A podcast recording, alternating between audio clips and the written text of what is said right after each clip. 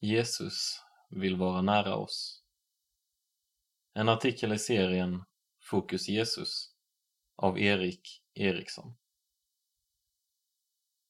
Mycket folk följde efter och trängde sig in på honom.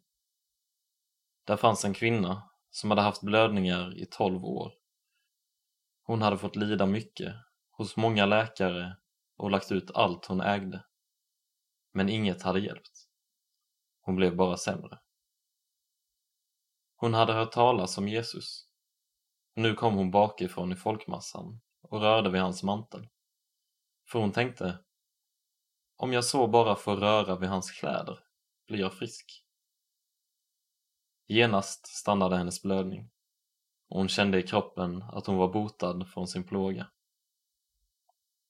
Markus evangeliet kapitel 5, vers 24b till 29.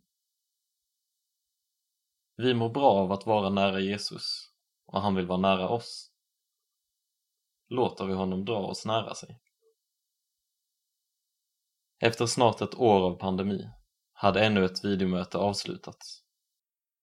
Jag satt kvar vid mitt skrivbord och försökte sätta ord på vad det var jag mest saknade med fysiska möten. Sen kom jag på det. Det var ju så självklart egentligen. Jag saknade att vara nära andra.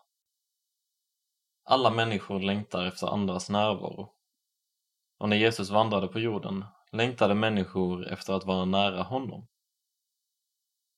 Det var som om han hade en stark dragningskraft som drog människor till honom. Jesus dragningskraft. Du känner säkert igen att det är något som gör att man vill vara nära vissa människor. Kanske är det en kändis som gör att man blir starstruck. Men Jesus var unik och annorlunda på ett annat sätt. Folk trängdes för att komma nära honom. Inte för att han var känd eller hade makt. Utan för att de mådde bra nära honom. Både i kroppen och själen. Den sjuka kvinnan med blödningar drogs till Jesus som om han var en magnet.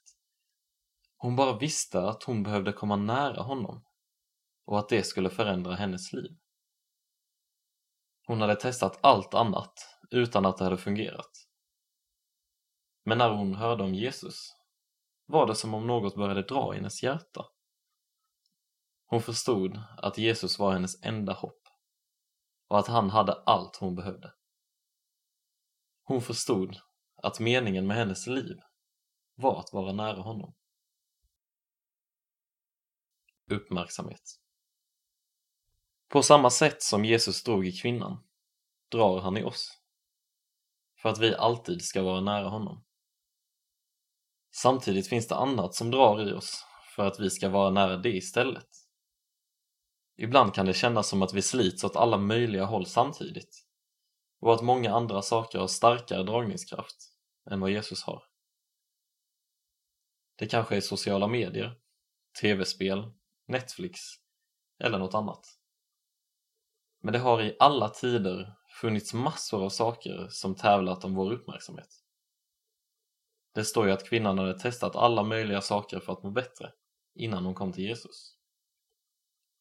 Men bara för att det finns andra saker som drar i oss så slutar inte Jesus göra det. Hans dragningskraft finns hela tiden i våra liv. Frågan är om vi låter honom dra oss nära.